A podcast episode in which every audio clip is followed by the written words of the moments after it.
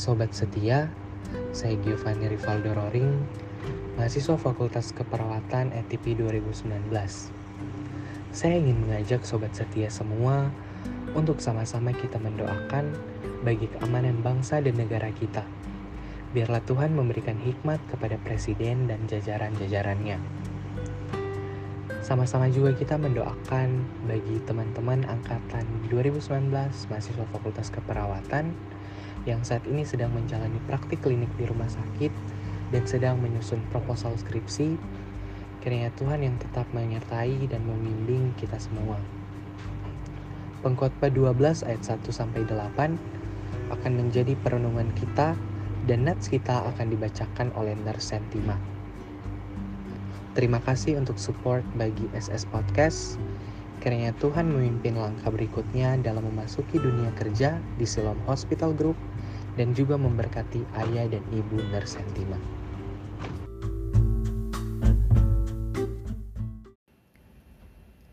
Saya akan menggantikan Sentima yang tidak bisa membacakan untuk kita semua. Pengkhotbah 12 ayat 1 sampai 8. Ingatlah akan penciptamu pada masa mudamu sebelum tiba hari-hari yang malang dan mendekat tahun-tahun yang kau katakan tak ada kesenangan bagiku di dalamnya Sebelum matahari dan terang bulan dan bintang menjadi gelap, dan awan-awan datang kembali sesudah hujan. Pada waktu penjaga-penjaga rumah gemetar, dan orang-orang kuat membungkuk dan perempuan-perempuan penggiling berhenti, karena berkurang jumlahnya, dan yang melihat dari jendela semuanya menjadi kabur. Dan pintu-pintu di tepi jalan tertutup, dan bunyi penggilingan menjadi lemah, dan suara menjadi seperti kicauan burung, dan semua penyanyi perempuan tunduk. Juga orang menjadi takut tinggi, dan ketakutan ada di jalan, pohon badam berbunga, belalang menyeret dirinya dengan susah payah, dan nafsu tak dapat dibangkitkan lagi, karena manusia pergi ke rumahnya yang kekal, dan peratap-peratap berkeliaran di jalan.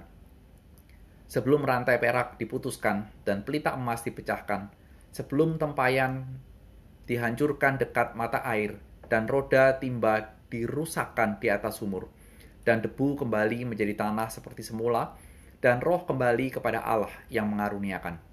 Kesia-siaan atas kesia-siaan, kata pengkhotbah. Segala sesuatu adalah sia-sia.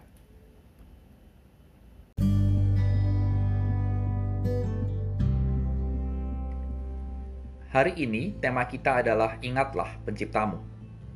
Mari kita berdoa. Tuhan Yesus pimpin kami untuk memahami firman Tuhan dalam perenungan kami. Demi Kristus, amin.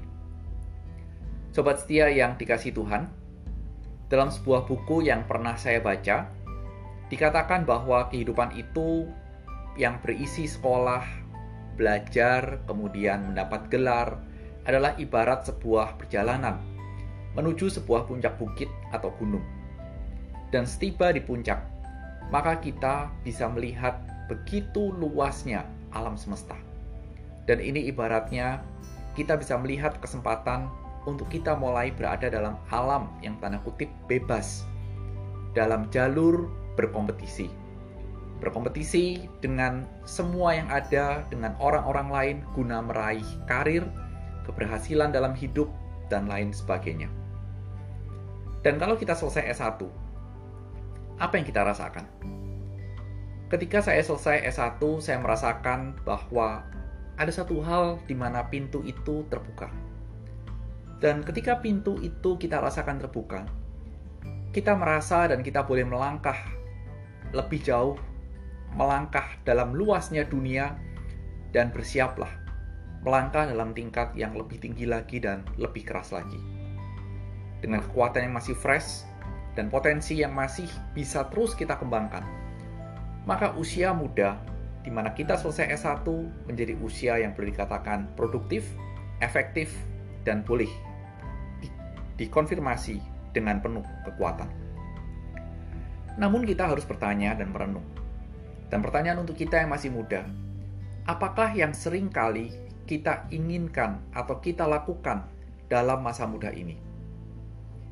Bagi nurse, yang berasal dari font, ayo jawab jujur pertanyaan ini. Apa yang sering kali engkau lakukan dalam masa mudamu setelah engkau S1? Apa yang saat ini sedang kau lakukan atau engkau kejar dalam hidupmu? Apa jawaban? Saya mengajak kita untuk melihat dari apa yang Salomo katakan. Salomo saya yakin dalam menuliskan kitab pengkhotbah ada dalam masa tuanya sebelum dia meninggal.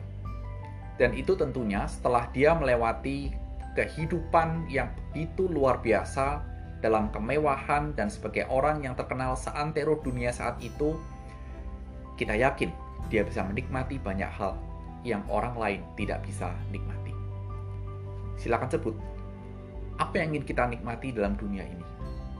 Saya yakin secara prinsip Salomo sudah merasakan terlebih dahulu yang kita inginkan. Apa pun itu. Dan seharusnya setelah melewati semuanya itu, di masa tuanya, harusnya Salomo mengatakan ini semua luar biasa. Ini semua betul-betul harus dan layak untuk dinikmati. Hari ini saya membaca sebuah berita. Salah seorang crazy rich memberikan hadiah kepada istrinya sekian M untuk sebuah tas kalau saya tidak salah baca. Bukankah itu satu hal yang wow? Satu hal yang dinikmati oleh begitu banyak orang dalam beritanya. Tapi lihatlah, di masa tuanya Salomo justru mengingatkan kepada orang muda, kepada kita semua, untuk sejak masa muda kita ingat pencipta kita. Lah kok bisa begini? Kita mesti ingat bahwa dalam segala kemegahan hidup yang Salomo jalani, ternyata itu membawa dia kepada dosa dan dia menyimpulkan bahwa tidak ada kesenangan dalam kehidupan yang telah dia lewati dan jalani. Di sini tidak dapat kita asumsikan bahwa seluruh kemewahan, seluruh kekayaan akan membawa kepada dosa. Tidak, tetapi membuka banyak pintu dan peluang untuk orang berdosa. Di dalam hal inilah ketika Salomo terjerumus dan dalam masa tuanya dalam hal masa sebelum dia meninggal. Salomo mengingatkan, ingat Tuhan. Jangan ingat Tuhan setelah usia lanjut. Setelah kita tidak bisa lagi bekerja, setelah kita tidak bisa lagi melakukan apa-apa. Dan bahasa saya adalah sebelum ajal menjemput. Bahasa saya dalam bagi anak-anak pemuda adalah setelah hidupmu berantakan, hidupmu babak belur, baru engkau ingat Tuhan. Hal inilah yang menjadi peringatan bagi kita karena semua manusia pasti akan kembali kepada debu karena bahan baku kita adalah debu.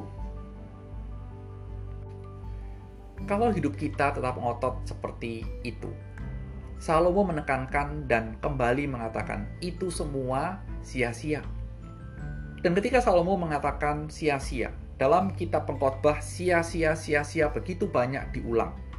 Ini bukan kalimat yang pesimis atau negatif, tetapi dia mengajak kita untuk melihat dunia dari kacamata semua sia-sia. Ingat, semua sia-sia bila di kita menjalani hidup di luar Tuhan dan hanya fokus apa yang ada dengan apa yang ada di bawah matahari, apa yang ada di dalam dunia ini. Itulah yang dimaksud oleh Salomo sia-sia. Mungkin kita perlu bertanya, Lalu bagaimana kita harus mengisi hidup ini? Ingat, berkali-kali pengkhotbah mengatakan bahwa kemalangan itu pasti ada, tiba. Dan bila itu tiba, itu terjadi, manusia tidak bisa menghindari. Harapan menjadi sirna, rencana menjadi berantakan, semua menjadi kacau, dan hal ini makin hancur lebur, berantakan menjadi bubur, itu bahasa saya, ketika hidup kita hanya mengandalkan kekuatan dan pikiran serta kepandaian kita semata. Dan untuk menghadapi kehidupan yang bahasa saya sering kali penuh kejutan, maka tidak ada jalan lain dan cara lain selain hidup itu harus total percaya 100% kepada Allah hidup itu harus menaruh pengharapan 100% kepada Tuhan. Ingat, Tuhanmu tidak pernah mengecewakan. Tuhanmu tidak pernah meninggalkan. Yang pernah meninggalkan dan mengecewakan adalah orang yang engkau kasihi. Bagi yang putus pacaran, ingat kalau engkau ditinggalkan oleh pacarmu, itulah manusia. Dan hidup kita memiliki tugas menyerahkan semua rencana yang kita inginkan kepada Tuhan supaya hidup itu selaras dengan kehendak Tuhan. Itulah tugas kita. Sehingga itulah sebabnya di akhir tulisannya di pasal 12 ini, pengkhotbah kembali mengingatkan kita, khususnya anak-anak muda, dan kita semua, ingatlah penciptamu pada masa muda. Kiranya ini menjadi perenungan kita untuk kembali mengingat akan pencipta kita. Selamat hari Selasa, dan biarlah kita senantiasa mengingat pencipta kita seumur hidup ini. Amin.